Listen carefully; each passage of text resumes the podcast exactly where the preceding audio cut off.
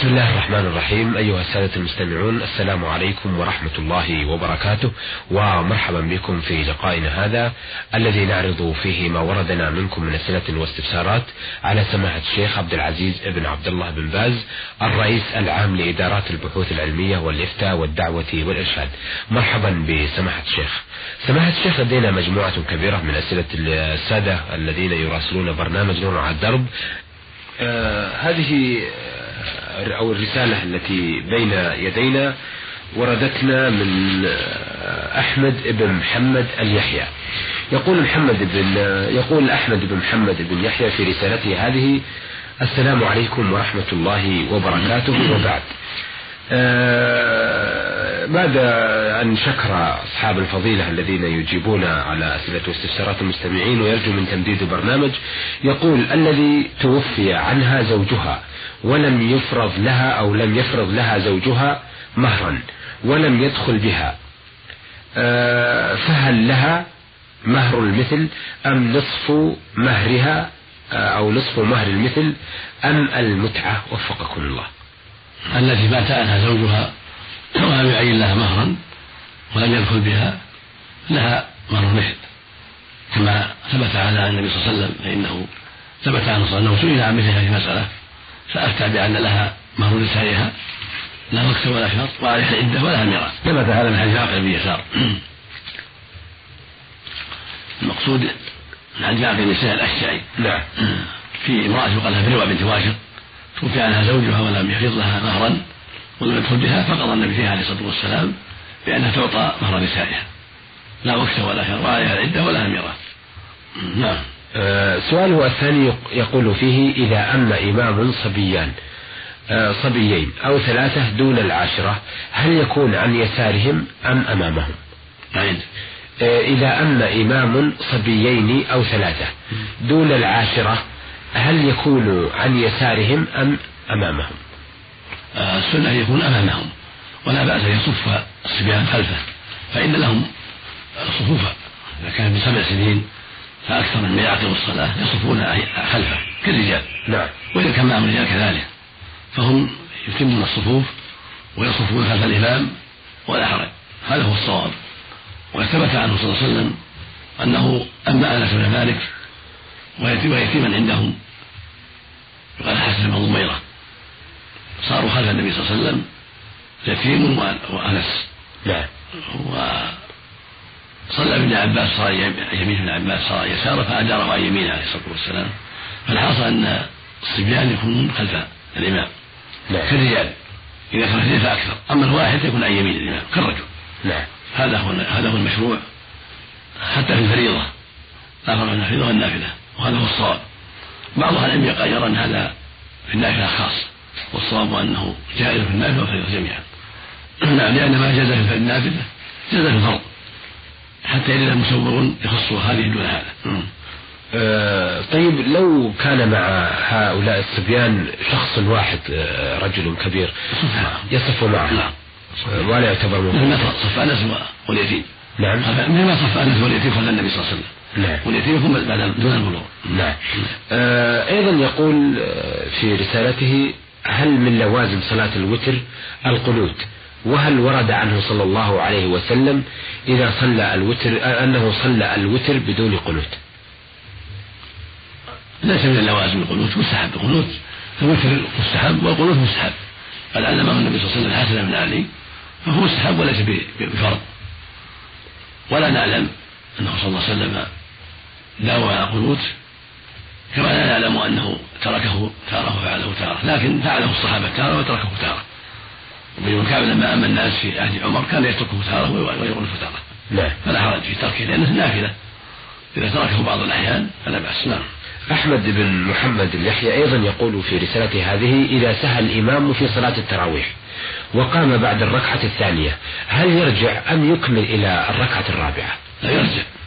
إذا قام في التراويح قد نوى اثنتين فقام إلى ثالثة ينبه وعليه يرجع كما لو قام في الثالثة في الفجر. لأن النبي عليه السلام قال صلاة الليل مثنى مثنى. فإذا كان قد نوى اثنتين كما هو العادة في التراويح والسنة فإذا قام إلى الثالثة ينبه أو تنبهوا ويرجع ولو كان في أثناء القراءة ولو بعد الركوع يرجع ويجلس يقرأ التحيات يكملوها والصلاة على النبي والدعاء ثم يسلم. ثم يقوم بالتسليمة التي بعدها. نعم نعم كما كما لو فعل في الفجر أو في الجمعة. يرجع نعم. آه، أيضا آه، السائل يرجو آه، أن تفيدوه عن مدى صحة الأحاديث التالية. يقول أنه صلى الله عليه وسلم سئل عن الشهادة فقال ألا ترى الشمس على مثلها فاشهد أو أو ارجع. هذا ضعيف هذا الحديث ضعيف ولكن معناه صحيح. يعني لابد يكون على بصيرة في الشهادة ولا لا يشهد بالزور؟ نعم. كان عنده علم فليشهد ولا فلا يشهد؟ أما الحديث ضعيف. نعم. لكن أهل العلم نبهوا على هذا. ودل عليه القرآن لم يشهد بالحق وهم يعلمون لابد يكون عالما بالشهادة ولا فلا يشهد. لا يضر الناس. كان عنده علم رأى أو سمع. هذا يشهد وإلا فلا يتكلم. نعم. آه أيضا يقول آه، حديث لا قود إلا بالسيف. كذلك حديث ضعيف لكن العمل عليه. القول بالسيف أولى لأنه أنجز نعم القتل. والنبي صلى الله عليه وسلم قال إذا قتلت فأحسن القتلة.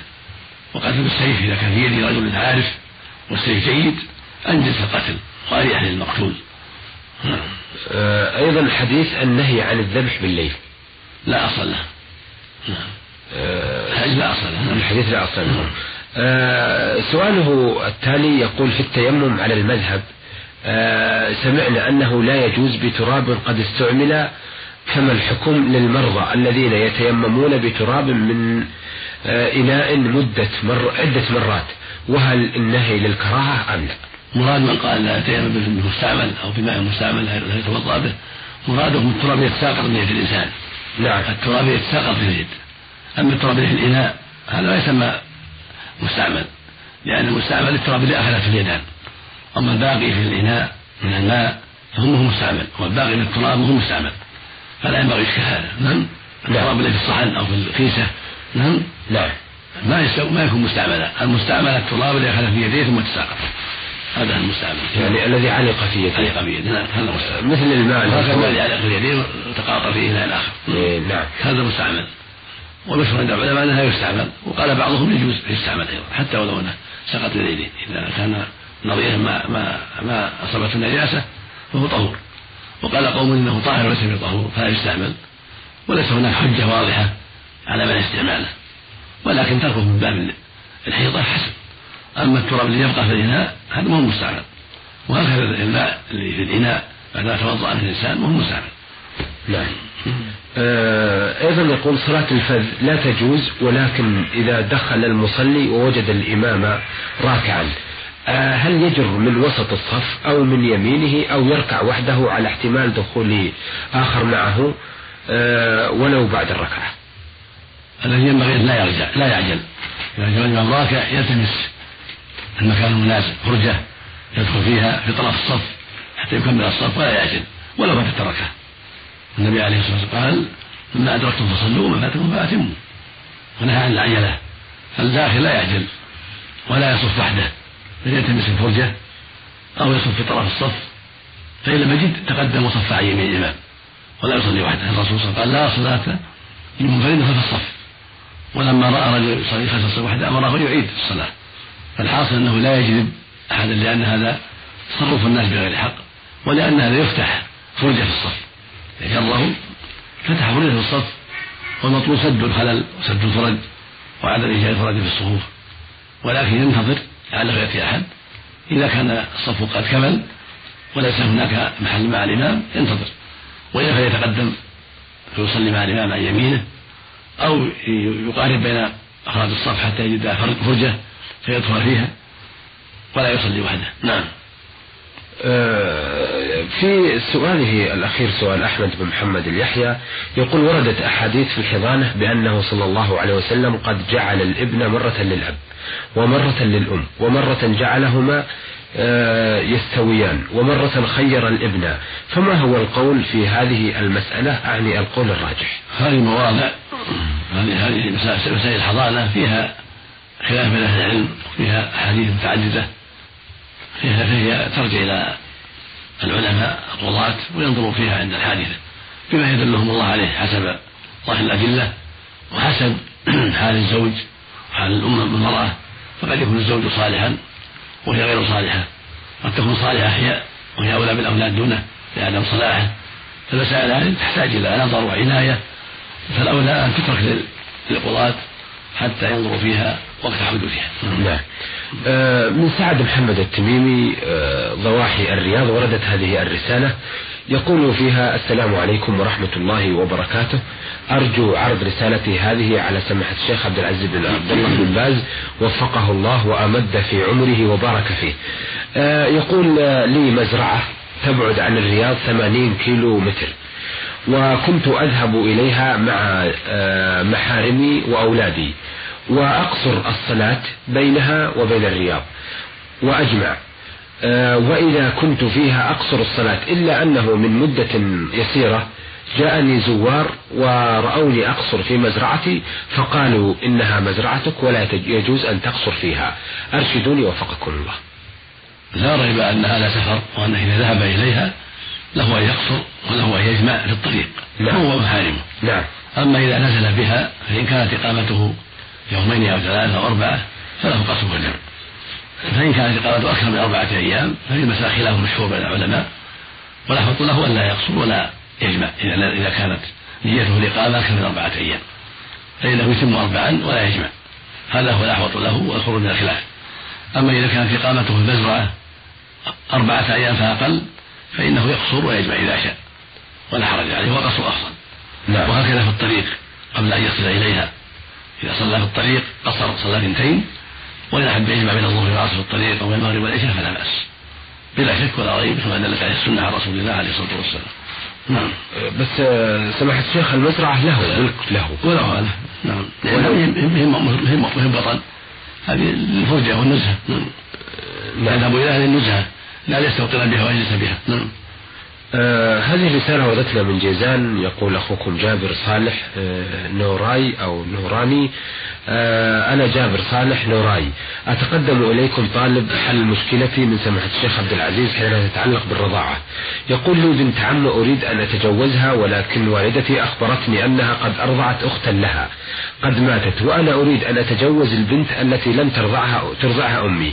فهل تجوز لي أم لا؟ أفيدوني. جزاكم الله خيرا في الدنيا والآخرة. نعم لا حرج عليك. في زواج بنت موجودة لأن الرضاعة يتعلق بالميتة والميتة ذهبت. ورضاعها لا يسري على أختها. فالتي أرضعتها أمك توفيت وهذه لم ترضعها أمك وأنت لم ترضع من أمها ولا من أخواتها حتى تكون خالة لك. ما دام ما بينك وبينها رضاعة فلا حرج في زواجها. نعم. نعم. آه الرسالة التي بين يدينا والأخيرة في هذه الحلقة آه وردتنا من المستمع. المتعاقد محمد كمال محمد من جمهورية مصر العربية. يقول ما مقدار زكاة الفرد النفس وميعادها؟ أعتقد أن النفس آه، يمكن يقصد بها الفطرة أو زكاة الفطر. إذا كان المقصود السؤال زكاة الفطر من رمضان فمقدارها صاع من كل الأقوات كلها من جميع الأقوات. صاع من البر صاع من الشعير صاع من التمر صاع من قوت البلد. وهو أربع حفنات باليدين المعتدلتين الممتلئتين. هذا هو الصاع. أربعة أمداد والمد حفلة باليدين الممتلئتين. والأربع صاع. وهو بالوزن الصاع أربعمائة مثقال وثمانين مثقال نعم. والمد مئة وعشرون مثقالا فالحاصل أن الصاع هو أن الزكاة صاع فقط من قوت البلد. هكذا أمر النبي صلى الله عليه وسلم. الناس أن يصدقوا بصاع من تمر أو صاع من شيء إلى آخره فرض النبي صلى الله عليه وسلم على الناس زكاة الفطر صاع من تمر أو صاع من شعير إلى آخره. وكذا الصحابة كذلك صاع من تمر صاع من شعير صاع من رطب صاع من زبيب صاع من طعام. هذا هو الواجب على الناس على الصغير والكبير والذكر والأنثى سواء كان قمحا حنطة أو غير ذلك. قال بعض أهل العلم أنه يجزي نصف الصاع من الحنطة من البر ولكن نقول مرجوح. نعم والصواب أنه لا بد من صاع من جميع الأقوات التي في البلد. نعم. سؤاله الأخير والأخير في هذا اللقاء يقول هل يجوز ذبح الفداء في عيد رمضان بدلا من عيد الأضحى لأتمكن من التوزيع على الفقراء الذين أعرفهم في بلدي ولتواجدي دائما بعيدا عنهم في عيد الأضحى من كل عام؟ هل يجوز أه، هل يجوز ذبح الفداء في عيد رمضان بدلا من عيد الأضحى؟ أقصد الأضحية. لأتمكن من التوزيع على الفقراء الذين أعرفهم في بلدي ولتواجدي دائما بعيدا عنهم في عيد الأضحى من كل عام. إذا كان المقصود الضحية مشروعة في عيد الفطر عيد الأضحى نعم. أو الفدي الذي يلزم المتمتع والقارن في الحج والعمرة هذا لا. لا يذبح إلا في مكة في أيام الذبح وهي أيام العيد وأيام التشريق. نعم. تذبح آه، الهدي للتمتع وهكذا الضحايا كلها تذبح في أيام العيد عيد النحر يوم العيد وثلاثة أيام بعده. ولا تذبح في عيد الفطر ولا في شهر الحجة شهر الحجة بعد العيد ولا قبله ولا في شهر القعدة. إنما تذبح في أيام العيد أيام عيد النحر وهي أربعة أيام يوم النحر وهو اليوم العاشر من الحجة وثلاثة أيام بعده تذبح فيها الضحايا والهدايا الشرعية التي تجب على المتمتع وقال أو يتطوع بها المتطوعون. تذبح في هذه الأيام أما إذا كان قصد يتطوع بشيء يقسمه على قرابة فلا بأس. تكون هذه صدقة. إذا أراد يذبح ناقة أو بقرة أو شاة في بلاده يوزعها بين أقاربه صدقة أو صلة هذا طيب نعم لكن ما سمى هذه هديا ولا ضحية ولا فدية الفدية ما يجب على الإنسان في التمتع والقران هذا يبحيه من أما إذا كان فدية عن تركه واجبا أو عن فعله محرما فلتذبح في الحرم عما ترك من الواجب أو عما فعل من المحرم نعم. في نفس الحرم نعم. وتوسع إلى فقراء الحرم نعم. أحسنتم وثابكم الله آه شكرا سماحة الشيخ. أيها السادة إلى هنا نأتي إلى نهاية لقائنا هذا الذي استضفنا فيه سماحة الشيخ عبد العزيز بن عبد الله بن باز الرئيس العام لإدارات البحوث العلمية والإفتاء والدعوة والإرشاد. وقد عرضنا على سماحته رسائل السادة أحمد بن محمد اليحيى وسعد محمد التميمي من ضواحي الرياض وجابر صالح نوراي من جيزان والمتعاقد محمد كمال محمد من جمهورية مصر العربية. شكرا لسماحة الشيخ عبد العزيز وشكرا لكم أيها الأخوة وإلى أن نلتقي بحضراتكم نستودعكم الله والسلام عليكم ورحمة الله وبركاته.